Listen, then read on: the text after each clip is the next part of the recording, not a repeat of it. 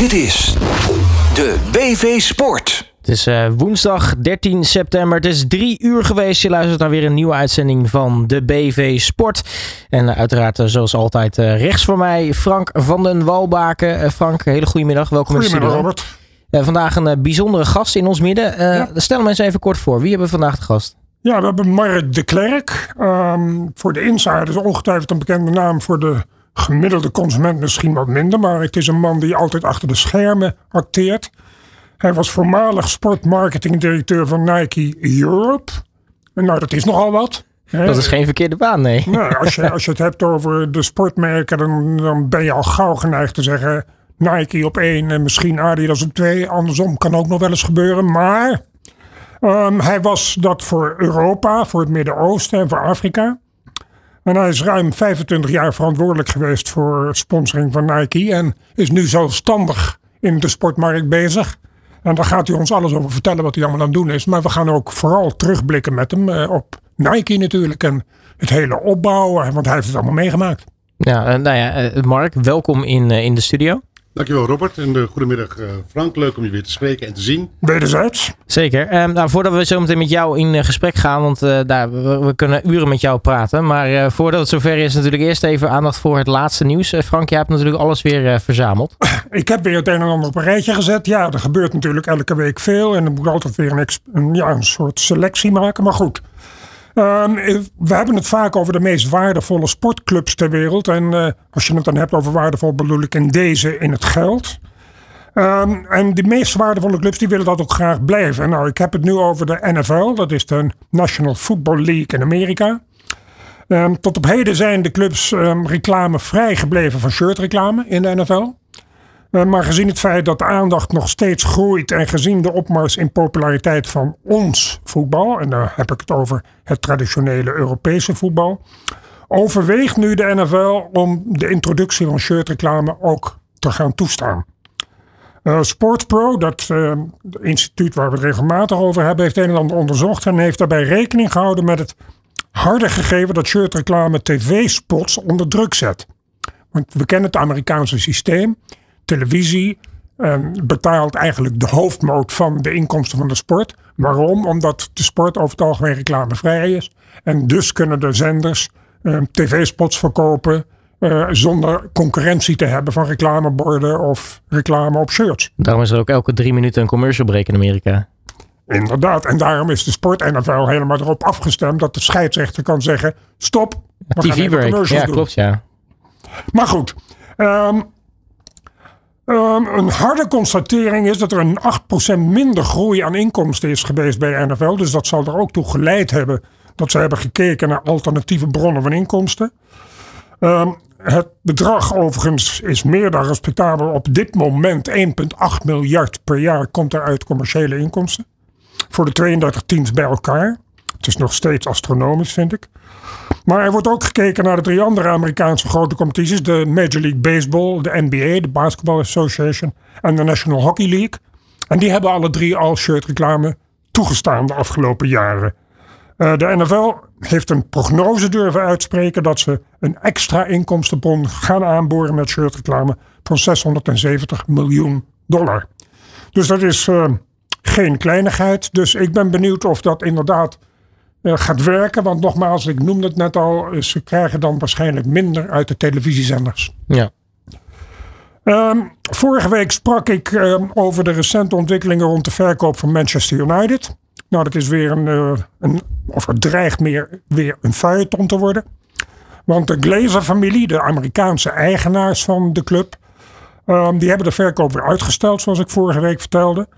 Uh, omdat men voorziet, al of niet terecht, laat ik even het midden, dat de club in 2025 om en nabij de 10 miljard euro zou gaan opbrengen. Terwijl hij nu wordt gewaardeerd op om en nabij de 5 tot 6 miljard. Nou, dat is dus bijna een verdubbeling in twee jaar tijd. Dus ik, uh, ik ben benieuwd waarop ze dat baseren. Afgezien van het feit dat de waarde inderdaad van de sport nog steeds groeit. Maar hoe, je, hoe dan ook, uh, veel zal afhangen natuurlijk van de, eh, van de resultaten op het veld. Onze Erik ten Hag. Nou, die is niet, dit seizoen niet al te goed begonnen. Nee. Dus uh, we moeten maar afwachten. En intussen is met de bekendmaking de beurswaarde van de club met 550 miljoen pond gezakt. Dus ehm, de Glazer-familie, die sowieso al niet uitblinkt door het management in sport. En staan er ook niet erg goed op bij de fans van Manchester Daar word je United. toch helemaal gek van als United-fan? Ja, de fans worden helemaal gek. En die, die, die zitten maar te roepen van verkopen. En die Glazer-familie uit. Grote spandoeken bij alle wedstrijden. Out, de Glazers. Maar goed. Intussen is de club in onderhandeling. En nu heb ik het over een ander item van de club. Over het shirt. Eh, want eh, de huidige shirtsponsor Teamviewer heeft al aangekondigd te stoppen. Eh, zodra er een ander is, eh, willen ze vertrekken. Maar ze gaan sowieso vertrekken in de aanstaande winterstop. Eh, de club is in onderhandelingen met het Amerikaanse telecom- en technologiebedrijf Qualcomm. Qualcomm, hele grote jongen. Ehm, er zou sprake zijn van een contract voor 60 miljoen pond per jaar. En dat is ruim 15 miljoen pond meer dan TeamViewer nu betaalt. Dus dat zou een mooie zaak zijn. Ehm, de vraagprijs is mede gebaseerd op het feit dat Manchester City, stadgenoot, krijgt 67,5 miljoen per jaar van Etihad Airways. En recentelijk, en dat zal Mark ongetwijfeld ook weten, heeft United ook het Adidas-contract verlengd voor 10 jaar voor 900 miljoen pond. Dus 90 miljoen per jaar. Dat is ook geen kleinigheid. Dan, eh, we blijven nog even in Engeland. Chelsea. Ja, ehm, is een serieus gesprek eh, met de nieuwe Saoedische luchtvaartmaatschappij Riyadh Air voor het shirtsponsorschap. Ehm, we hebben het in de podcast eh, al gehad over het feit dat er een gokbedrijf eh, sto- in de startblokken stond, maar daar kwamen de fans tegen op, op stand. Dus nu zijn ze in onderhandeling met Riyadh Air, weer een nieuwe airline vanuit het Midden-Oosten. Nou, die airlines in het Midden-Oosten die zijn nogal druk in het voetbal, kunnen we constateren. Etihad bij Manchester City, Qatar Airways bij Paris Saint-Germain en bij FIFA. Emirates bij Real Madrid en AC Milan en Arsenal. En nu dus Riyadh Air bij Chelsea. Voor naar verluid 60 miljoen pond per jaar. Ehm, het riekt een beetje naar een, eh, ja, een beetje haantjesgedrag van de airlines uit het Midden-Oosten. Zijn er eigenlijk nog wel airlines in het Midden-Oosten zonder voetbalclub? eh? Nee, of nou, men weet het niet, want Turkish Airlines is helemaal niet, niet helemaal het Midden-Oosten, maar zit ook zwaar in het voetbal. ja. Dus, ehm, maar ja, anders creëren ze een nieuwe airline en dan krijgen ze weer wat. precies. Dan gaan die ook weer in het voetbal. Ja. Ik maak even de overstap naar Duitsland, Bayern München. Eh, in juni van dit jaar weigerde Bayern München een mouwsponsorschap van Qatar Airways. Daar heb je ze weer. Eh, eh, om dat te verlengen. Eh, dit naar aanleiding van de protesten over Qatar en de mensenrechten. Nou, overal bekend natuurlijk. De deal was voor 6 miljoen per jaar. En werd zonder slag of stoot eh, verworpen. Eh, je vraagt af waarom dan? Eerst wel, hè, want ze zaten op de mouw en we konden niet verlengen. Een beetje opportunisme, maar goed, het voetbal staat bol van het opportunisme. Maar goed, nog nee, twee maanden later tekent de club nu uit München een vijfjarige deal met Rwanda. Onder de slogan Visit Rwanda. Ook op het shirt van Arsenal, zoals we weten, op de mouw. Ja. van Het shirt van Arsenal. Om het toerisme te promoten, dat is de uitleg. Nou, nu blinkt Rwanda natuurlijk ook niet echt uit op het gebied van mensenrechten. Iets met uh, zeggen. hoetsies, toetsies. Dus het is een beetje hypocriet. En het woord sportswashing ja, duikt weer op. Eh Bayern verdedigt de deal eh, dat het, eh, die overigens slechts voor 5 miljoen is. Dus ze moeten nog, of ze moeten er nog 1 miljoen eh, op inleveren. En beweert dat eh, het onder andere bijdraagt aan het promoten van voetbal voor de jeugd in Rwanda. Ja, dat klinkt als een beetje een algemeen verhaal. Ja. Dus ik vind het eh, geen reclame voor de club uit München, die over het algemeen nogal rechtlijnig en open is. Maar goed, dit terzijde. Maar het is ook niet dat ze het nodig hebben. Ik bedoel, Bayern München is, is ik durf te zweren, de meest gezonde, financieel gezonde club ter wereld. Dus Ja. Überhaupt de hele Duitse Bundesliga Ja. is heel gezond. En het past een beetje bij Duitsland, hè? Mhm. Discipline. gründlichkeit. Ja. Dan gaan we, Robert, dat zal je ook niet verbazen, even over weer naar Saudi-Arabië. De feuilleton over Saudi-Arabië en geld en sport. Weer een nieuwe ontwikkeling. Eh namen we allemaal aan dat men vanuit het land eh, de pijlen gericht had op topspelers in hun nadagen. Maar nu ook echte aandacht voor coaches en technische directeur. Eh, ehm, de club Al-Shabaab heeft FC Antwerp benaderd voor niet alleen Mark van Bommel, maar ook voor meneer Overmars. Dus het schijnt eh, al redelijk rond te zijn. En Nou ja, ik denk dat uh, eh, FC Antwerpen is ook een rijke club en is ook in bezit van een rijke meneer, zoals we weten. Maar ik denk niet dat die rijke meneer uit België, ben zijn naam even kwijt, maar dat doet er ook niet toe, uh, dat die kan wedijveren met de zakken met geld die uit het Public Investment Fund uit Saudi-Arabië, waar 650 miljard in zit. Dus uh, zeer goed mogelijk dat Mark van Bommel samen met Overmars binnenkort vertrekt naar Saudi-Arabië. Nog even terug naar de Premier League. Um, de club Everton. Wie kent het niet? Toch een, een, zeer traditionele club uit de Premier League. Vorig jaar met hangen en burgen in de Premier League gebleven. Um, ze hebben grote problemen. Um, een Amerikaanse investeringsgroep heeft op het laatste moment afgezien van de investering. de MSP Sports Capital Group was van plan om 175 miljoen in de club te pompen. Maar die hebben zich teruggetrokken. Waarschijnlijk zal het te maken hebben met de sportieve resultaten, maar ook de financiële cijfers liegen er niet om.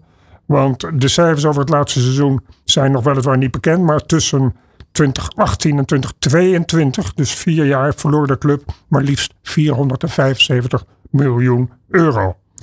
Dus um, de club is in nood. En dan hebben ze ook nog, uh, zijn ze in al halverwege of zelfs eroverheen in de bouw van een nieuw stadion. Ja. En daar, dat dreigt 300 miljoen meer te gaan kosten dan oorspronkelijk beruimd. Dus uh, dat ziet er niet zo best uit daar voor Everton. Zou jammer zijn, want het is een traditionele oude club. Zeker. Dan eventjes naar volgend jaar kijkend. Uh, we hebben net weer het Nederlands elftal zien spelen. Niet al te best, uh, moeten we met z'n allen constateren. Maar goed, ze hebben de Wel punten. twee keer winst, ja. Ze hebben de punten gepakt en die waren zeer noodzakelijk. Maar alles in het kader van het EK-voetbal volgend jaar in Duitsland. Uh, dat, de organisatie van dat EK is goed bezig. Uh, eerder tekende al Duitse Telekom, Duitse Baan. Dat is de, vergelijkbaar met onze Nederlandse spoorwegen. En de verzekeringsgigant Ergo. En nu tekende ook de Duitse bierbrouwerij Bitburger als het officiële bier voor het toernooi.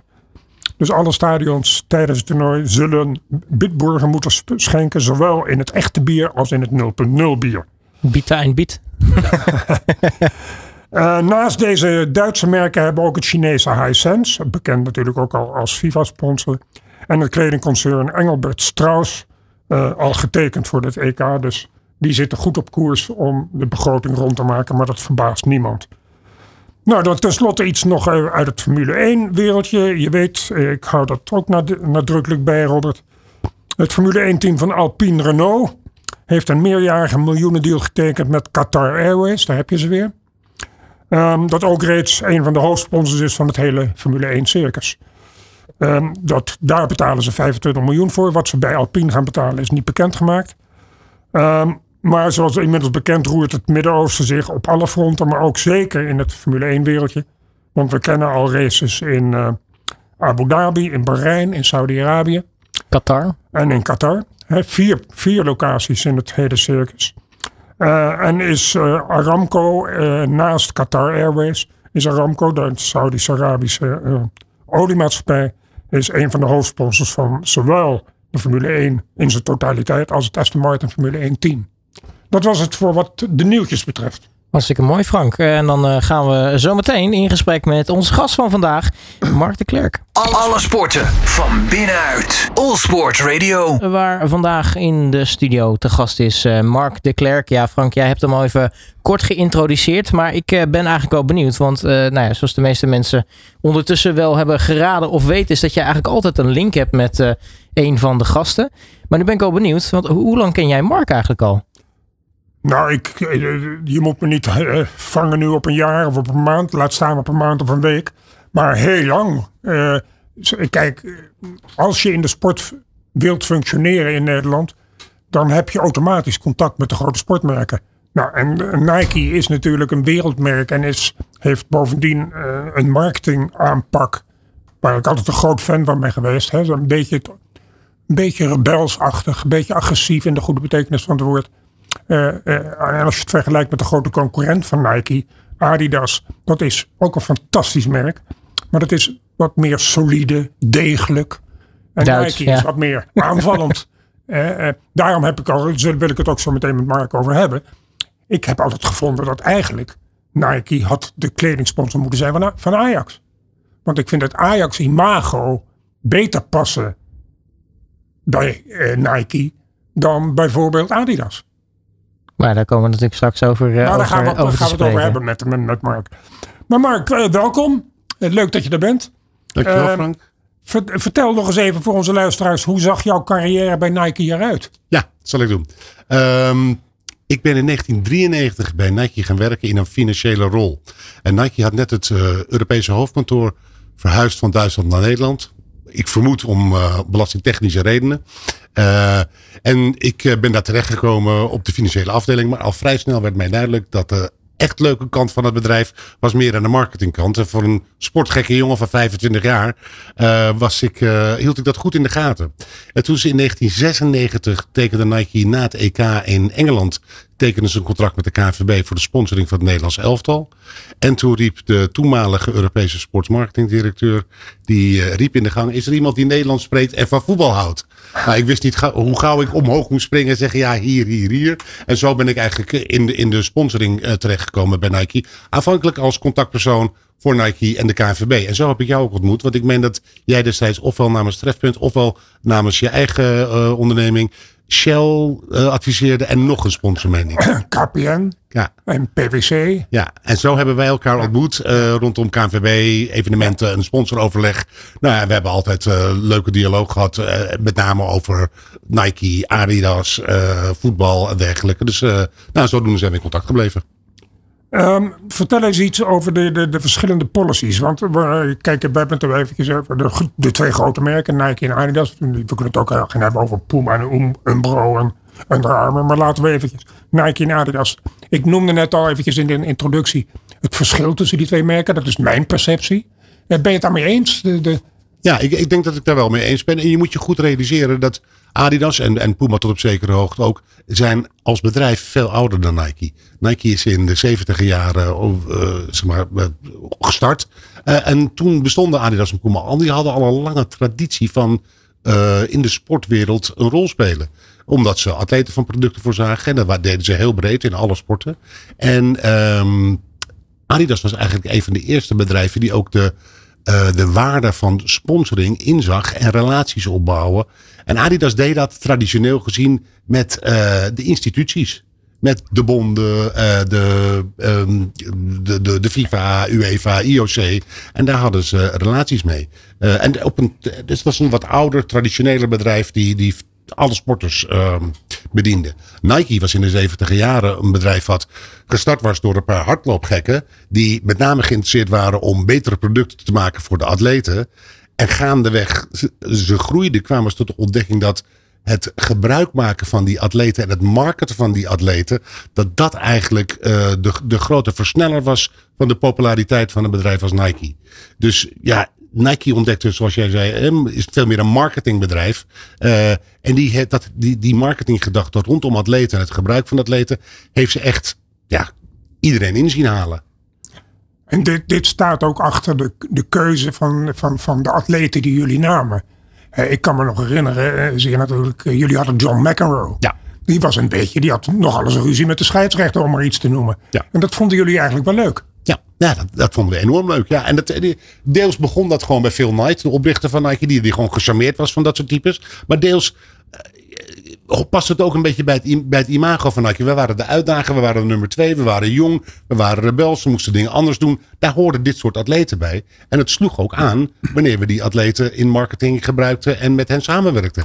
Eh, en het was een grote driver voor onze populariteit en onze groei. nummer Michael twee, Jordan. Net zoals Evans en Hurts. Hè? We try harder. Ik, precies, ja. ja. Ja, ik wil zeggen, eh, Michael Jordan natuurlijk ook. Dat is net zo'n net zo'n type. Ook natuurlijk iemand die eh, eh, altijd wel het randje opzoekt. En eh, een beetje af en toe de bad boy kan zijn, zeg Ja. maar. En het was dus echt doelbewust dat jullie in het begin met name eh, vooral focusten op individuele atleten en niet op teams.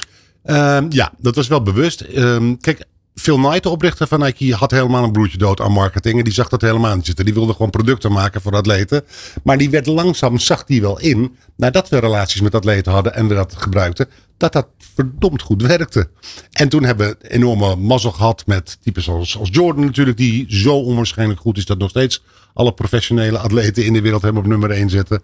Ehm, maar we hebben ook massa gehad met de Olympische Spelen in, in Los Angeles. Wat voor ons een gigantische mogelijkheid was om, om onder andere Carl Lewis te promoten en alle Amerikaanse atleten. En toen was binnen de, het hele Nike-bedrijf was duidelijk: dit is de weg die we gaan kiezen. We gaan atleten gebruiken, we gaan, we gaan het rebelse uitdagen en die imago hanteren, want dat werkt van ons. Ja.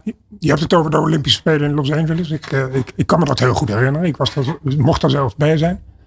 Maar een aantal jaren later, de Olympische Spelen in Atlanta, in 1996, kan ik me ook heel goed herinneren. Toen was Adidas uh, de, de materiaalleverancier van het IOC. En dus alle vrijwilligers liepen met drie streepjes op de, op de mouwen. Dus iedereen dacht, nou ja, Adidas eh, verslaat daar Nike. En jullie hadden toen als Nike hadden toen een hele slimme manoeuvre gemaakt. Terwijl Adidas waarschijnlijk 40, 45 miljoen betaalde voor het sponsorschap van de, van de Spelen. Hadden jullie voor relatief weinig geld een aantal hele grote wolkenkrabbers gehuurd. En hebben jullie daar slogans opgehangen. En die zal ik van mijn levensdagen niet vergeten. Er waren twee slogans. Eentje was: If you are not here to win, you are a tourist. And you don't win gold. Oh no, you don't win silver, you lose gold. En dat, die hebben zo, bij mij zo'n impact gehad, die nog tot op de dag van vandaag gebruik ik nog steeds. Maar het leuke was, en het effectieve, dat notabene in het, eh, Adidas was een van de hoofdsponsors van de Spelen. Een marktonderzoek na afloop van de Spelen, spontane bekendheid van de sponsors van de Spelen, stond Nike boven Adidas. Ja. Ja, en dat is, dat is niet alleen bij deze Olympische Spelen gebeurd. Dat is veel vaker gebeurd. En dat is toch een beetje een, een, een, eh, een, een resultaat van de manier waarop Nike zijn marketing aanpakt. En je kunt je afvragen of het verstandig is om, om grote bedragen aan een organiserend comité of een bond uit te geven. Waarbij je ook daardoor beperkt bent met hoe je je kunt uiten en, en wat je kunt doen. Of dat je zegt, ik hou het geld in mijn zak en ik ga op een creatieve manier uh, mijn boodschap uh, verkondigen. En daar is Nike, ja, het is, het is een heel erg goed uh, marketingbedrijf. Ja. en daar, daar, dat heeft ze geen windeieren gelegd. Um, even naar het voetbal. Natuurlijk toch de grootste sport. Voor jullie ook, voor Nike ook heel belangrijk.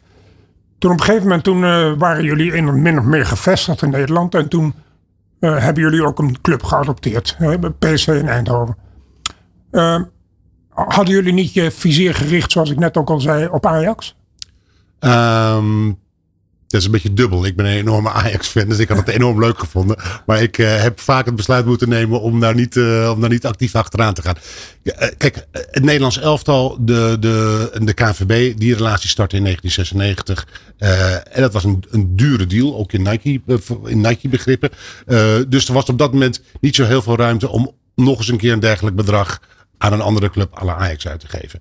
PSV hadden we al iets eerder een relatie mee dan, dan de KNVB. Was niet zo duur. Ook, dus het was een, een mooie mix van die twee. En PSV was, was geen beroerde club. En, uh, die, Romario en Ronaldo waren er in die jaren. Uh, Europese successen. Een Europa, Europa Cup 1 gewonnen. Ehm, voordat wij daarmee partner werden. Ehm, ja, en dan, dan kijk, we hadden natuurlijk ook graag Ajax en Feyenoord erbij gehad. Maar je moet je natuurlijk wel afvragen als je een bedrijf bent. Hoeveel moet je hebben om de juiste impact te hebben. En in Nederland hadden we met de KNVB en PSV daarnaast. Vonden we op dat moment voldoende. En dan werd het aandacht gegeven aan andere markten. Uh, waar we nog uh, terrein te winnen hadden. Zoals Engeland of Duitsland of Frankrijk. Dus het was een, bewuste keuze. En het partnership met de KNVB is nou, sinds 1996. Dus we zijn 27 jaar verder. Dat is een enorm hecht partnership. Uh, en ik zie dat ook niet zo snel aan eind aan komen. Nee, nee. Um, maar voor, voorzie jij wel dat er eens een keer een moment komt, of blijft de policy van Nike, voor zover jij dat kunt inschatten, uh, zo dat uh, bijvoorbeeld een FIFA of een UEFA of een IOC nooit in beeld zal zijn? Um, even voor alle duidelijkheid, ik werk niet meer voor Nike. Nee. Dus, dat, dus ik, ik moet een beetje gissen naar wat de huidige ja. stand van zaken is. Hoewel ik met veel mensen in contact ben. Toen wij bij Nike uh, in voetbal startten. Uh, en toen kregen we als onderdeel van de KNVB-deal kregen we de scheidsrechters mee. Uh, en toen was in die tijd, zeiden we bij Nike, nou, dat, daar, daar willen we helemaal niet mee. Wij willen helemaal niet op de shirts van de scheidsrechters komen. Dus toen hebben we ervoor gekozen om daar geen logo's op te zetten. We zijn nu bijna 30 jaar verder. En inmiddels uh, is dat geen enkel probleem. En zien wij dat ook als onderdeel van het voetbal. 30 jaar geleden zouden wij gezegd hebben: wij gaan niet met bonden of met uh, governing bodies uh, in zee. We hebben liever met de atleten of met de teams te maken. Naarmate je groter wordt, verandert dat enigszins. Maar ik hoop en, en geloof ook wel dat het, uh, het karakter en, en, en, en de, de, imago altijd een onderdeel zijn uh, van, van hoe Nike uh, zich verhoudt in sport. en ik, ik, ik hoop dat dat zo blijft. het zou jammer zijn als het niet zo is. Ik ga je nu een, een, een vraag stellen waarop je misschien wel geen antwoord wilt geven. Maar ik stel hem toch. ik vraag mij altijd al af, zolang ik bezig ben in het gekke wereldje van sport en commercie hebben de kledingmerken, spelen die een rol in de transfers? Ja. Uh, ik kan me voorstellen dat er een speler X is en jullie hebben club Y en dat je die speler X heel graag bij die club Y wil hebben. Um, ik begrijp je vraag. En um, ik kan me ook voorstellen dat mensen dat denken. Maar ik zal een voorbeeld hanteren van Cristiano Ronaldo uh, bij Real Madrid. Real Madrid was van oudsher door Adidas gesponsord. Was voor Nike dus moeilijk om profiel te krijgen in, uh, in Madrid. Want je hebt niet echt een, iets waar, een kapstok waar je marketing bijvoorbeeld aan op kan hangen. Um, op het moment dat Cristiano Ronaldo naar Madrid ging, was dat natuurlijk voor ons geweldig. Want plotseling hadden we wel een kapstok om in Madrid te spreken over Nike en voetbal. Dus dat was voor ons, dat was voor ons best prettig.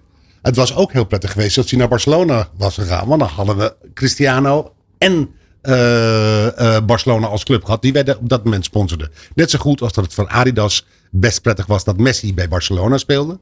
Want ze hadden niet de kapstok om in, om in um, Barcelona te marketen. En met Messi hadden ze het wel.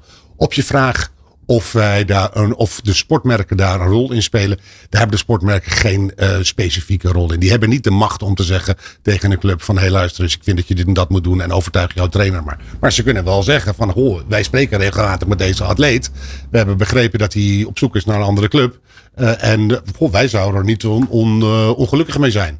Maar de suggestie die wel eens gewekt wordt dat uh, de sportmerken daar een rol bij spelen. En vaak wordt dan aangehaald dat de verkoop van de shirts met de naam van de speler erop. Dat alleen al rechtvaardigt de transfersom. Nou, dat rekensommetje kun je heel makkelijk maken. Als je ervan uitgaat dat een club op een, op een shirt, een voetbalshirt wat ze verkopen. Laten we zeggen tussen de 5 en de 10 euro marge of winst maakt. Nou, als je dan een transferbedrag van 100 miljoen moet terugverdienen. Dat gaat niet met shirts. Laat staan uh, als je zoveel shorts wil verkopen, dan moet je dat ver van tevoren plannen uh, om die shirts gemaakt te hebben. Dus dat is een beetje een fabeltje. Ja, want, want hoeveel shirts verkopen voetbalclubs eigenlijk gemiddeld per, per seizoen? Zijn dat echt hele grote, grote aantallen? Dat verschilt heel erg van land tot land en van club tot club. En je kunt je voorstellen dat uh, de Engelse markt een enorme grote replica-markt is. Ehm, ik weet wel dat ehm, wij hebben ik denk een jaar of tien, ik zeg wij, maar Nike uh, heeft jaren geleden uh, Umbro overgenomen en inmiddels ook weer verkocht. En toen meen ik dat bij de, dat, dat, ja, dat, dat de Engelse bond bij de lancering van een nieuw tenue ongeveer anderhalf tot twee miljoen shirts per jaar verkocht. Zo. Realiseer je dan wel, dat is eens in de twee jaar. Hè, want je hebt een EK en een WK-cyclus. Mhm. Wanneer je niet zou kwalificeren voor een toernooi, dan is opeens de, de vraag helemaal weg. En ja, het aantal shirts wat je verkoopt, dat is natuurlijk een functie van hoe je dat. Uh, als je dat met veel korting aanbiedt, verkoop je er heel veel. En dus daar, is, daar kiest iedereen een, een andere rol in. Maar Engeland is de grootste replica-markt. Daar zijn de aantallen shirts per, uh, verreweg het grootst. Uh, maar ja, Real Madrid, Barcelona, Bayern München zijn ook joekels van clubs. En die verkopen wereldwijd natuurlijk ook heel veel. En verkopen wereldwijd, ja, ja, tuurlijk. Ja. En dat is ook weer een uitdaging voor clubs en de merken die daarachter zitten. Ja. Want hoe kan ik mijn, de vertegenwoordiger in Amerika of in Brazilië overtuigen dat hij het shirt van Barcelona uh, gaat verkopen aan de lokale winkelier versus wat hij misschien zelf in dat land prettig vindt. Ja. Nu we het over shirts hebben, hebben jullie um, of heeft een kledingmerk um, een, een, inspraak in het, de kleuren van het uitshirt? Um, nou ja, inspraak is, is een beetje vergezocht. Wat natuurlijk, kijk, om een, om een shirt interessant te maken, moet je zorgen dat het anders is dan het jaar daarvoor. Want anders is er geen reden voor mensen dat te kopen. Um, dan zijn er bij die, de, de, sportmerken zijn er designafdelingen die gaan die shirts ontwerpen. Vaak gaan ze daartoe uh, insights gatheren of gaan ze research doen. Daarvoor praten ze met fans, gaan ze uh, naslagwerken nakijken. En zo komen ze op ideeën. En dan presenteren ze een aantal opties aan de club. En de club kan dan zeggen ja of nee. En um, kijk, uh, fans zijn enorm gepassioneerd over clubs. Hè? En, en, en over hoe de club eruit ziet. Het shirt, de logo's. Uh, is al elk jaar weer een discussie. Hè? Elk komt er weer, discussie. Wat zou dan een nieuw shirt worden? En dan is er weer een lek ergens. En dan uh, iedereen heeft weer een mening. Ja, en dat is... Uh, ja, ik heb er altijd een beetje naar gekeken van... Goh, ja, dat is een feit. Dat is, het, het, het kan nooit helemaal 100% goed zijn. Het zal het nooit helemaal 100% slecht zijn. Het is ook een beetje van... Nou, alle nieuws is goed. Ja. Uh, en uiteindelijk, um, er worden meer shirts verkocht als de sfeer rondom een club goed is. En de sfeer rondom een club is over het algemeen goed. Als er prijzen gewonnen worden, als ze aansprekende resultaten boeken. Ik, uh, ik, ik heb uh, clubs in hele lelijke shirts hele mooie titels in winnen. En dan is zo'n shirt is plotseling een enorm, enorm gewild item. Um, we zitten nu ook een beetje over de shirts te praten. Dan komen we vanzelf op, de, op het onderwerp sport en mode. Wat, wat begonnen is als sportmerken, Nike, Adidas, noem ze allemaal op, die gaan langer hoe meer ook, omdat zeker we leven in een tijdperk waarin iedereen op sneakers loopt, uh, is mode ook in toenemende mate een belangrijke factor. In, hoe, in hoeverre kan dat par parallel lopen met de sport of uh, bijt dat elkaar? Nou, ik, ik denk dat uh, de, de sport is in de modewereld terechtgekomen. Inderdaad, doordat mensen sneakers zijn gaan dragen. Doordat mensen atletische kleding zijn gaan dragen. In de, in de zakelijke context is niet, heeft niet meer iedereen een stropdas om en een pak aan. Het is heel voor de hand liggend dat je met vrije tijdskleding naar je werk gaat. Dus ja, de, de, de, de, de, de look van sport, de atletische look, die is in, in mode terechtgekomen. De modemerken, de traditionele modemerken, zien natuurlijk ook uh, zien dat natuurlijk ook. En die, zo zie je ook dat een aantal modemerken in, daarin terechtkomen. Hè. Je, uh, je hebt Ralph Lauren die dingen maakt. Hugo Boss die, die dingen maakt. Dus wij hebben uh, in die sportwereld is daar ook best wel wat. die houden elkaar wel in de gaten. Ja. Want als, een, als bij wijze van spreken Barcelona nu een deal zou maken met Ralph Lauren. En die zouden plotseling alle spelers gaan, af, maar gaan, gaan gebruiken in marketing rondom Ralph Lauren sport daar zal een Nike weer niet bij mee zijn. Want die zeggen, hey, daar, dat hadden wij toch het exclusieve recht. Dus dat, dat begint een beetje naar elkaar over te lopen. En dat komt uiteindelijk doordat ja, uh, de mensen dragen uh, meer atletisch geïnspireerde kleding. Het zal ook, denk ik, nee, of neem ik wel aan, ook van invloed zijn op de contracten die in de toekomst nog worden afgesloten. Ja. Want er zal een, zeer nadrukkelijk worden omschreven in die contracten wat we hebben verstaan onder kleding. Ja, absoluut. Ja, zeker. Um, als we het over kleding hebben, hebben we het ook over vrouwen. Um, vrouwensport staat hoog genoteerd bij Nike. Ja. En, en uh, de laatste keer dat ik checkte was ongeveer de helft van de wereldbevolking was ook vrouw. Dus dat is enorm uh, uh, verstandig lijkt me. En ik, ik weet niet wat de precieze cijfers zijn, maar ik meen dat het marktaandeel mannen in, de, in de totale omzet van Nike is, is, de, is het aandeel omzet voor mannelijke producten is nog steeds groter dan voor vrouwen. Dus daar is ook te, meer groei te halen als je op vrouwen focust. Uh, en dan, en dat, is, dat is de zakelijke rechtvaardiging ervan. En de, de, de, de normatieve rechtvaardiging is gewoon, ja, luister eens, vrouwen uh, moeten natuurlijk ook sporten. Ja, en zeker op dit moment natuurlijk. En als je het hebt over marketingmachine van Nike, uh, die haken natuurlijk in op trends in de samenleving. Ja. En vrouwensportsten, überhaupt vrouwen, uh, dus ik kan me heel goed voorstellen dat Nike onmiddellijk op die rijdende trein springt en daar gebruik van maakt vanuit marketing. Ja. ja, en er ook wel in gelooft. Dan is het ook wel lekker dat de Oranje Leeuwinnen goed presteren, lijkt mij. Ja, ja dat, is, uh, dat is superleuk. Ja. Um, ik wil even een, een, een, een, voorval wat mij in het geheugen gegrift staat, omdat ik daar natuurlijk een, een vakidioot in ben. Toen David Beckham nog speelde bij Manchester United. Um, toen uh, David Beckham had een Adidas contract en is altijd een Adidas jongen geweest. Um, toen hij speelde bij Manchester United, speelde Manchester United in Nike kleding. Er was op een gegeven moment een voorval, was er een persconferentie. Zat naast Alex Ferguson zat David Beckham. Met een Adidas petje op zijn kop. Met drie streepjes. Dan wordt het een enorme rel geworden. Misschien kan je het je herinneren. Er is toen gespeculeerd, en daar wil ik jouw mening over horen. Dat Adidas Adidas dat heeft geanceneerd. En ook de boete heeft betaald die David Beckham heeft opgelegd gekregen vanuit Manchester United. Ik weet de details er niet van. En als ik zou weten, is dit niet het, uh, het, het podium om dat ook uh, uit de doeken te doen, denk ik. um, maar ja, natuurlijk, ja. Uh, als je, als je sponsor bent van Manchester United, dan ben je verrast als op een clubactiviteit de aanvoerder natuurlijk met een, uh, met, met een petje uh, van zijn eigen sponsor opkomt. En er zijn ook regels over. Hè, dus je maakt daar afspraken over. Het enige wat ze eigenlijk mogen doen in de context als speler van Manchester United is hun eigen voetwear dragen. Dus hun eigen schoenenmerk dragen. En dat is helemaal oké.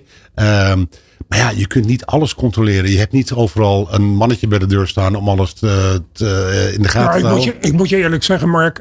Als ik adviseur zou zijn geweest van David Beckham, zou ik hem hebben geadviseerd dit niet te doen. Mm -hmm. Ik ja, vind dit namelijk niet gepast voor een grootheid als David Beckham. Nee, maar ik zal je een ander voorbeeld geven, Frank. Um, Mario Götze was na het WK in 2006, waar hij de winnende goal scoorde van Duitsland, als ik het goed heb. Ik meen dat hij toen een transfer maakte naar Bayern München. Uh, en er was een persconferentie bij Bayern München waar hij geïntroduceerd werd. Maar de camera's stonden al op het vliegveld waar hij aankwam. Natuurlijk hebben wij toen bij Nike gezegd: Mario, trek alsjeblieft een, trui aan met een joekel van een logo erop. Uh, uh, en misschien moet je die uitdoen als je bij Bayern naar binnen loopt. Maar dat, dus ja, de, de, de sportmerken spelen daar altijd. Ik zijn opportunistisch daarin. En Nike heeft natuurlijk een lange traditie en, en imago van guerrilla marketing en handigheidjes. Dus dat is ook een beetje een, een, een spel. Uh, ja, wat, wat, gespeeld wordt. En dan, nou, ongetwijfeld, als Beckham uh, dat gedaan heeft bij Manchester United, zullen onze advocaten, of de, de advocaten van Nike, een brief hebben gestuurd. Uh, met, met een bericht van nee, dat mag nooit meer gebeuren. En dan zegt zo'n club of zo'n atleet zegt nee, dat gaan we niet meer doen. Ik wil nog een ander voorval aanhalen, ook van Manchester United. in de tijd speelde Eric Cantona bij Manchester United. Ja. Begenadigd spelen. Maar ook een hoofd, ja, een, een, zeg maar een heet hoofd. En die had op een gegeven moment na een wedstrijd, of tijdens een wedstrijd ruzie met iemand die in de voorste rij zat van de tribune. De karatentrap. En toen gaf hij een karatentrap, wat, wat ik natuurlijk niet verdedig. Uh, en hij werd natuurlijk direct uit het veld gestuurd. Volgende dag verscheen er in de Manchester Evening News een hele pagina advertentie. Met de kop I'm sorry. Met daaronder een foto van Cantona. En daaronder de tekst I didn't score yesterday. Nou, dat vond ik briljant. nou, misschien weet je dat niet. Maar zat Nike daarachter? Ja, dit is. Kijk, wij bij Nike, en wij waren de sportsmarketing mensen, dus wij hielden contact met de club. Maar we hadden natuurlijk, spraken regelmatig met, met de mensen van de advertising afdeling en met het reclamebureau. En dat hele bedrijf zat te vissen naar dit soort mogelijkheden. Zat te kijken van hey, wanneer kun je dit soort dingen doen. En als er dan geweldige ideeën kwamen. En er zijn zoveel meer ideeën geweest die nooit het daglicht hebben gezien. Of nooit de, de, de, de uitvoering hebben gehaald. Maar dit is wat wij, uh, ja, waar, waar wij goed in waren. Uh, en een ander voorbeeld is toen, uh, toen het Nederlands elftal een kwalificatie, nee, een playoff wedstrijd moest spelen tegen, uh, ik meen dat het Ierland was in Liverpool.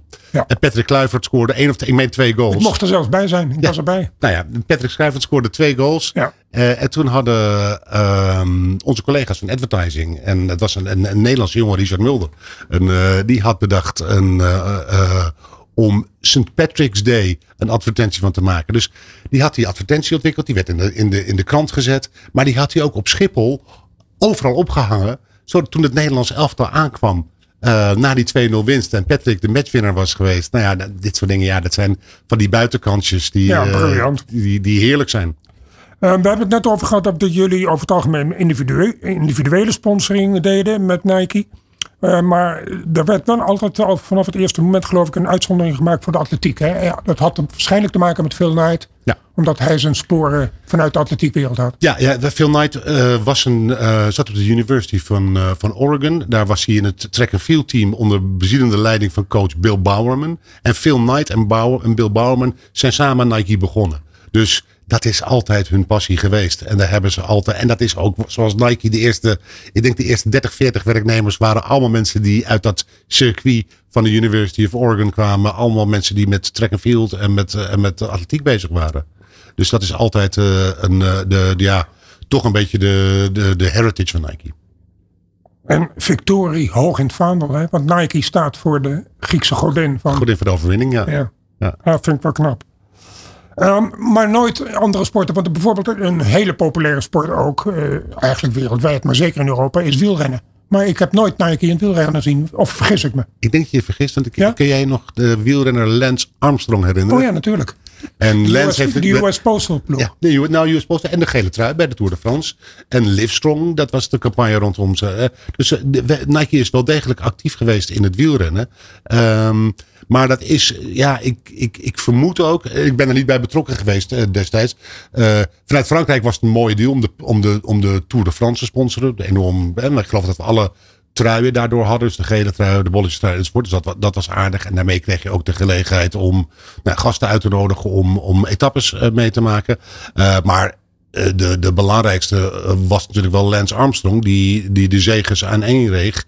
Eh, maar ook uiteindelijk in een heel akelig, eh, eh, heel akelig en veel negatieve pub- publiciteit terecht is gekomen. En ja, bij mijn weten zeer terecht. Want de man die nou wat niet zo nauw met de dopingregels. eh, als, ik het, eh, als, we, als we het moeten En is dat de reden geweest waarom Nike zich... Nou, ik denk, ik denk dat er meerdere redenen zijn. Je kunt je voorstellen dat ehm wielerkleding eh, is vrij specialistisch. Dus dan moet je, eh, en dat is niet, eh, terwijl Nike is meer een, een, een ja, moet ik zeggen, een, een, een massa of, of grote aantallen. En het heeft een heel ander distributiekanaal. Dus wielrenners kopen hun kleding niet bij de eh, Paddy Sport of bij de Decathlon of bij de. Footlocker. Die kopen dat bij de, de specialistische wielerhandel, waar een oud wielrenner je advies geeft over, over wat het beste materiaal is. En om, dus dan ga je denken, als je ook de wielerkleding wil doen, of de, ja, dan moet je en specialistische kennis hebben om die producten te ontwikkelen en te maken. En dan moet je ook nog eens een ander distributiecircuit eh voor bij bedenken. Dus ja, dan, dan ligt het meer voor de hand om je op voetbal te focussen of andere sporten die, die, ja, waar je ook nog een hoop te winnen hebt. Is er na de... eh, ik meen dat Phil Knight, die, die naam is al een aantal keer ge- gevallen. Die is in 2016, heeft hij zich eigenlijk actief teruggetrokken. Is er, is er, is er veel veranderd nadat hij zich heeft teruggetrokken? Ehm, ja, dus, eh, ja, er is heel veel veranderd. Want vlak daarna kwam corona. eh, vlak daarna eh, nu, nu de, geopolitieke veranderingen in de wereld. We hebben nog de Trump-jaren gehad eh, in, ehm, in, in, in de Verenigde Staten. En natuurlijk de enorme focus van bedrijven aan Nike om zich op een om online te richten. Eh, en de, corona was daar natuurlijk een enorme aanjager in. Ja. Eh, dus dat is, dat is zeker veranderd. En, en het leiderschap van Nike, de, de man die dat nu doet, is een man die is John Donahue. En die komt uit die digitale wereld. Die heeft voor Let's Buy It gewerkt, meen ik. En nog een andere. eh, Maar kijkt Phil Knight nog over zijn schouder mee? Want hij heeft nog wel Ja. de, Ja, een heel groot aandelenpakket, heb ik ja, benaderd. ja, nee, Phil die, die, die kijkt iedere dag, volgt alles op de voet. Heeft wel wat favorieten. Eh, maar die, die houdt zich daar heel nadrukkelijk mee bezig. Eh, of die in, da- in dagelijks opzicht elke dag met, eh, met de president van Nike belt en zegt van hé luister eens, dit zou ik anders doen. Dat zeker niet. Nee. Maar de man is zo, ja, is zo verweven met hoe Nike in elkaar zit. Hij heeft zoveel mensen geïnspireerd en zoveel atleten relaties mee opgebouwd. Dat zal altijd, dat zal altijd blijven rondwaren. Eh, en de, de, ja, de, man heeft niet het eeuwige leven natuurlijk. Dus ik ben Nee. heel benieuwd hoe dat, hoe dat straks zal zijn als Wat ik, hij er is. wat ik wel leuk vond toen ik me even voorbereidde op dit gesprek, eh, heb ik even wat gegoogeld. En toen kwam ik tegen dat eh, Phil Knight heeft zijn aandelenpakket heeft hij in een beheermaatschappij zitten. En die beheermaatschappij heet Swoosh. Ja, ja, ja, ja, ja. Dus dat vond ik wel, wel grappig. Ehm, de, de naam is ook al gevallen, Michael Jordan. Ja, Dat is wel een meer dan een ambassadeur voor jullie geweest, hè? Bizar. Ja. Want ik, ik heb ook op, op via internet gevonden dat hij eh, verdiend heeft aan Nike op dit moment 1,3 miljard.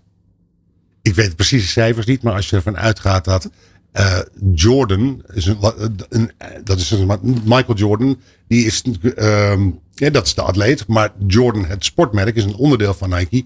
Daar krijgt hij natuurlijk royalties over. Ja. Dus elke Jordan schoen die nu nog verkocht wordt aan nou, wie dat ook waar op de wereld komt, daar krijgt, eh, daar krijgt eh, Michael nog steeds eh, royalties uit. En ik vermoed dat hij, eh, dat hij door de jaren heen wel meer dan 1,3 miljard heeft, heeft opgestreken. Maar de details weet ik echt niet. Jullie, je noemde net al, Umbro hebben jullie gekocht en weer verkocht. Jullie hebben wel, of Nike heeft wel het submerk ook Converse. Ja. En je noemt dat al Jordan, ook als een eigen merk. Ja. Wat, wat is de gedachte achter Converse? Ehm God, ik, weet, ik ben er niet bij betrokken geweest destijds. Eh, maar ik kan mij voorstellen eh, dat men dacht van... Hey, Converse zit meer in de lifestyle kant. Heeft wel roots in basketbal. Want voordat Nike in basketbal verscheen, liep iedereen eigenlijk ofwel op Adidas ofwel op, op of, uh, Converse. Um, heeft wel roots in, in basketbal en is een mooi uh, merk om meer in de lifestyle hoek dat is heel erg skate hè, gericht. Converse. En uh, de Chuck Taylors natuurlijk, die, de, de traditionele All-Stars die iedereen kent, die nog steeds ja, mensen kopen. Dat is gewoon een heel populair, uh, hele populaire schoen voor mensen ja, die vaak in de artistiek, in de muziekwereld zie je vrijwel heel veel muzikanten die altijd op, op Chuck Taylors lopen. Uh, dus ja, het paste daar wel goed. Dus het complementeerde heel erg het Nike wat performance georiënteerd is. En met performance bedoel ik actief sport. Ja. Uh, dus, en dan als je dan een lifestyle merk daarnaast had, dan kon je, kon je de, was de taart nog groter. En dat was denk ik ook de gedachte met Umbro destijds. Uh, van hé, hey, dat is een, een traditioneel lifestyle merk rondom voetbal. Uh, en dat is uiteindelijk niet helemaal gelukt. Voor, je, voor Nike uh, ook een zeer belangrijke wereldwijde sport is tennis natuurlijk. Um, ik uh, heb zelf ook veel gewerkt in de tenniswereld. En ik werd dan af en toe wel geconfronteerd als ik met een, voor een individuele atleet uh, contracten wil afsluiten. Dat Nike had als eis uh, dat er geen andere sponsors op het shirt mogen. Afgezien van de swoosh voor Nike. Dat is uh, in de tenniswereld redelijk opvallend. Want bijna elke grote tennisser heeft ook een patch op zijn mouw staan of op zijn schouder. Maar Nike staat dat niet toe. Ja, nou dat is denk ik, uh, het past ook een beetje bij het imago van Nike. Van hey luister, we zijn een klein beetje anders. Wij noemden dat intern de no patch strategy. Dus dat, wij wilden een clean shirt uh, van onze tennissers hebben waar alleen wij op, uh, op, op, afgebeeld werden. Um, maar ja, terecht. Maar dat kan je eigenlijk alleen maar veroorloven als je heel sterk bent. En als de, nou ja, de, de, de, spelers ook graag in Nike lopen. Nou ja, de speler en zijn agent zeker. Die zei dan van, goh luister, als we met jullie in zee gaan. Dan ontneem je ons de mogelijkheid om uh, nog een andere sponsor af te sluiten. Met, weet ik wel, Mercedes of, of wat dan ook. Dus dat zul je dan wel moeten compenseren. Dus Nike moest dan ook de afweging maken. Zijn we bereid om dan iets meer te betalen. Maar dan wel helemaal clean op het shirt te staan of niet? Nou ja, en dat, dat, dat is jarenlang is dat voor Nike uh, uh, uh, de gedachte geweest. Nee, wij willen zorgen, we willen clean op het shirt staan. En dan als je dan ook nog eens een keer atleten als Federer, Nadal en Sharapova hebt. Ja, dan is het heerlijk dat je die aandacht niet hoeft te delen met een, met een andere sponsor op de mouw. Ja, dat is eigenlijk best slim. Want als jij zegt van nou, dat is onze policy. Dan zullen de mensen die wel wat meer afhankelijk zijn van, van andere sponsoren, zullen misschien sneller zeggen van nou, dan doen we dat niet. Of uh, dan gaan ze vragen om een compensatie. Maar aan het einde van de dag hou je dan wel de mensen over die uh, nou, zeg maar sterk genoeg zijn om, om, om dat ja, zich te kunnen veroorloven. Dus eigenlijk hou je dan wel de beste spelers over. Ja, nou, wat ik al zei, de agent van een speler weet echt wel, die is echt wel uitgekiend genoeg om te zeggen van nee, dit loop ik mis. En als jullie per se willen dat ik in een schoon shirt loopt, dan zul je daar iets voor terug moeten doen. Ja. Uh, dus ik weet niet of de atleet daar altijd op, uh, op uh, geld op misliep of, of een contract op misliep. maar ja, natuurlijk richten alle sportmerken zich op de meest aansprekende atleten. En dat zijn doorgaans de atleten die titels winnen. Ja. Mark, wat, wat is jouw mening? Um, we leven nu in een tijdperk waarin natuurlijk als je het hebt over voetbal. een Nike heeft een contract met een club. En die spelen in Nike kleding. En dan is de club nog natuurlijk op zoek naar een shirt sponsor. Zijn jullie daarbij betrokken? Staan jullie toe dat er een gokbedrijf op het shirt komt te staan waar een Nike logo op staat? Of dat er een ander discutabel merk op het shirt komt waar het Nike logo ook op staat? Wij zijn niet actief. Ik zeg wij, nogmaals, ik werk ja. niet meer voor Nike, maar ik weet dat bedrijven als Nike, Adidas, Puma zijn niet actief betrokken uh, bij het vinden van shirt sponsors. Wat ze natuurlijk wel zeggen, is dat ze zeggen, hé, hey, daar willen we een aantal industrieën niet op hebben. Dus uh, daar mag misschien zijn er voorwaarden over dat er geen gokbedrijven op de shirt mogen, of geen alcoholbedrijven, of geen bedrijven die in de adultwereld uh, werken. Dus daar, zullen, daar zijn wel in de contracten dingen over afgesproken van, van dit kan wel, dit kan niet. Of een, of een bedrijf wat een politieke uh, boodschap heeft. Uh, maar, maar jullie hebben op dit moment, of jullie, Nike, heeft op dit moment uh, één club in de Eredivisie, is AZ. Mm -hmm. En AZ speelt met Cancino op het shirt. Ja. Nee, goed, ik weet ook niet of dat een, of dat een probleem is. Hè. De, nee, maar de, kijk, je wordt in de wereld beoordeeld mede op basis van het gezelschap waarin je verkeert. Ja, klopt. Ik zou me kunnen voorstellen dat een Nike zegt van nou gezien de discussies die gaande zijn over gokken en sport. Hè, binnenkort komt er een nieuwe wetgeving. Dan wordt het zelfs wellicht helemaal verboden. Ehm, dus dat, ik kan me voorstellen dat een merk als Nike zegt van ja, onze reputatie kan mogelijk schade lijden als wij worden geportretteerd samen met een gokbedrijf. Ja, nou, en met gokken, en zeker met online gokken, zeker wanneer dat gereguleerd is, zoals dat in Nederland vrijgegeven is, dat is nou niet echt iets waar, waar Nike gelijkstelling zal nemen. Het is ook niet helemaal aan Nike om dat te reguleren. Maar ja, wel bijvoorbeeld uh, met uh, adult bedrijven of met, uh, ik kan me voorstellen dat er, dat er ook geen wapenhandelaren op de, op de shirts mogen. Dus er zijn wel dingen over, over afgesproken wat wel en wat niet kan. Ja, ik weet niet of FCM in, het, uh, in Nike speelt, maar nee. uh, Easy Toys with Shirt natuurlijk. Uh, want ik zit alweer naar de tijd te kijken, Frank. Dus eigenlijk jou, jou goed vinden, vind ik het eigenlijk wel interessant om even te kijken naar het nu. Want ja, ja je bent dus, nu? Ja, ja. Dat is, ja precies. nou, ik heb bijna 29 jaar voor Nike gewerkt. En de, en de laatste 10 jaar van mijn carrière was ik verantwoordelijk voor Oost-Europa, Midden-Oosten en Afrika. En dat betekende eigenlijk dat ik enorm veel op reis was. Nou vond ik dat enerzijds heel erg leuk. Want als je zo lang vanuit Amsterdam op en neer naar Hilversum rijdt. Dat wordt een beetje saai. Dus het is veel leuker om, om dat af en toe naar Istanbul of naar Kaapstad of naar Moskou te gaan. Uh, dus ik heb de laatste tien jaar van mijn, van mijn carrière bij Nike ben ik enorm veel onderweg geweest. Toen er een reorganisatie kwam waarbij ze zeiden van Mark, het is mooi geweest. Uh, uh, we gaan het met andere mensen voortzetten. Toen dacht ik, weet je wat, ik ga wat tijd voor mezelf nemen. we kwamen net uit corona. Dus we waren al een tijd niet op kantoor geweest. En het was voor mij een prima gelegenheid om eens, uh, wat ze dan noemen, een sabbatical te nemen. En ik had voor mezelf gedacht, van, nou, ik ga wel kijken hoe lang ik daar uh, plezier van heb en, en een lol in heb. En zo langzamerhand ben ik nu aangekomen dat ik denk van, ik ben nu uh, helemaal losgekomen van, van wat ik bij Nike heb gedaan. Je moet je voorstellen, als ik naar een feestje ging, het eerste wat ik deed was kijken wat voor schoenen mensen aan hadden. Zo gedeformeerd raakte. Als ik sport aanzette op televisie, dan was ik direct aan het kijken van wie sponsort wit, wat en, en waar. Dus het was voor mij enerzijds wel fijn om daarvan los te komen, fijn om los te komen van het reizen, fijn om na te denken wat wil ik nu doen. Ik ben 56 jaar oud, ik heb nog heel veel energie en heel veel passie voor sport. En die ga ik, uh, die ga ik nu weer uh, uh, gebruiken. Dus ik, ik adviseer mensen in de sportwereld. Ik adviseer soms bedrijven. Um, maar ik ben ook uh, weer voorzichtig aan het uitkijken naar een baan in de, in de sportwereld. En dat zou kunnen zijn bij een, bij een bedrijf wat sponsort. Dat zou kunnen zijn bij een sportorganisatie die sponsors nodig heeft. Of een bond. En dat zou ook kunnen zijn voor een maatschappelijke organisatie. Uh, dus ik ben eigenlijk een beetje uh, nu weer actief aan het zoeken en, en erachteraan aan het gaan. Ja, stel Adidas klopt morgen aan de deur. Ga je dan?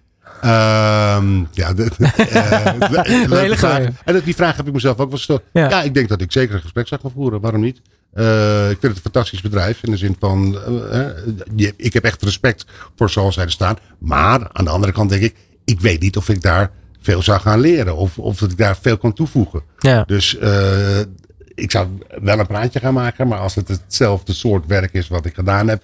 Dan denk ik dat ik zou zeggen van, goh ik zoek iets anders. Kun ja. beter naar een andere kandidaat zoeken, vermoed ik. Uh, Misschien uh, Gapstore? Uh, ja, ja, nou ja, dat, die, die, dat is... Die timmeren nogal aan de die weg. Die timmeren aan de weg. Ik ben heel benieuwd hoe het gaat aflopen. Want die zijn super agressief met ja. een aantal clubs en, en, en ja, de Sevilla, Feyenoord, Twente. Ja, en die, die hebben Feyenoord nu uh, genomen. Maar ook in, in Engeland ook. Ja. En er zit, um, ja, voordat je echt geld gaat verdienen daarin... Uh, daar, daar komt echt wel wat bij kijken. Dus ik ben heel benieuwd of ze dat, of ze dat vol gaan houden. Maar ik ben wel mijn. Uh... Er zit kennelijk, heb ik me laten vertellen, een investeringsclub achter. Ja. Het PIF? nee. maar. Uh, dus ja, wat, ze kwamen eigenlijk, voor mij althans, uit, het, uit de hemel vallen. Ja. En dan in één keer in Nederland alleen al met um, drie topclubs. Ja. Dus, uh, en ik zag ook het eerste team uh, was ook al in Kestor. Ja. Dus, uh. ja, nee zeker. Dus, dus die, die hou ik wel, daar kijk ik wel naar met aandacht. Net zoals dat ik met aandacht naar dat hardloopmerk On kijk. En omdat die maken footwear. En dat is om de een of andere heel populair bij mensen die wat serieuzer zijn met, met hardlopen of met outdoor-achtige dingen. En daar is Roger Federer onder andere aandeelhouder van geworden. Oké. Okay. En, uh, en dat is ook een opkomend merk. Dat, dat, ja, hou het, hou het in de gaten. Ja. Uh, maar er zijn zoveel mensen, zoveel merken geweest door de jaren heen die het geprobeerd hebben. Under Armour is een ander voorbeeld. Ja. En de traditionele uh, top 2 is, is nog steeds Nike en, en, en Adidas. Uh, maar het is niet gezegd dat dat voor eeuwig blijft. Uh, De markt wordt alleen maar groter. Dus, ja, er wordt, er wordt zeker alleen maar groter. Mark, ontzettend veel dank dat je bij ons was. Graag gedaan. En uh, ik wens je heel veel succes en we komen elkaar ongetwijfeld tegen. Zeker, zeker. Nou, dankjewel voor de uitnodiging. Ik heb, het, uh, ik heb er plezier in om over sport te praten. En uh, tot snel. Ja. Hartstikke mooi. Nou, tot zover de BV Sport. Volgende maand zijn we er natuurlijk weer. Ik weet niet of je al iemand in gedachten hebt, Frank? Ehm, iemand vanuit de politiek. Oeh, spannend. Met het oog op de verkiezingen. verkiezingscampagne gaan meemaken. Mocht je iets van deze uitzending gemist hebben, kan dat natuurlijk in de loop van de middag online teruggeluisterd worden via sportradio.nl of natuurlijk de bekende podcastkanalen. En de BV Sport hoor je volgende maand weer tussen, uh, of uh, elke tweede woensdag van de maand. Dus uh, ik weet het niet van hier dat welke datum het is, maar in ieder geval tussen 3 en 4. Dus ik zeg alvast tot dan. Dag. Dit is de BV Sport.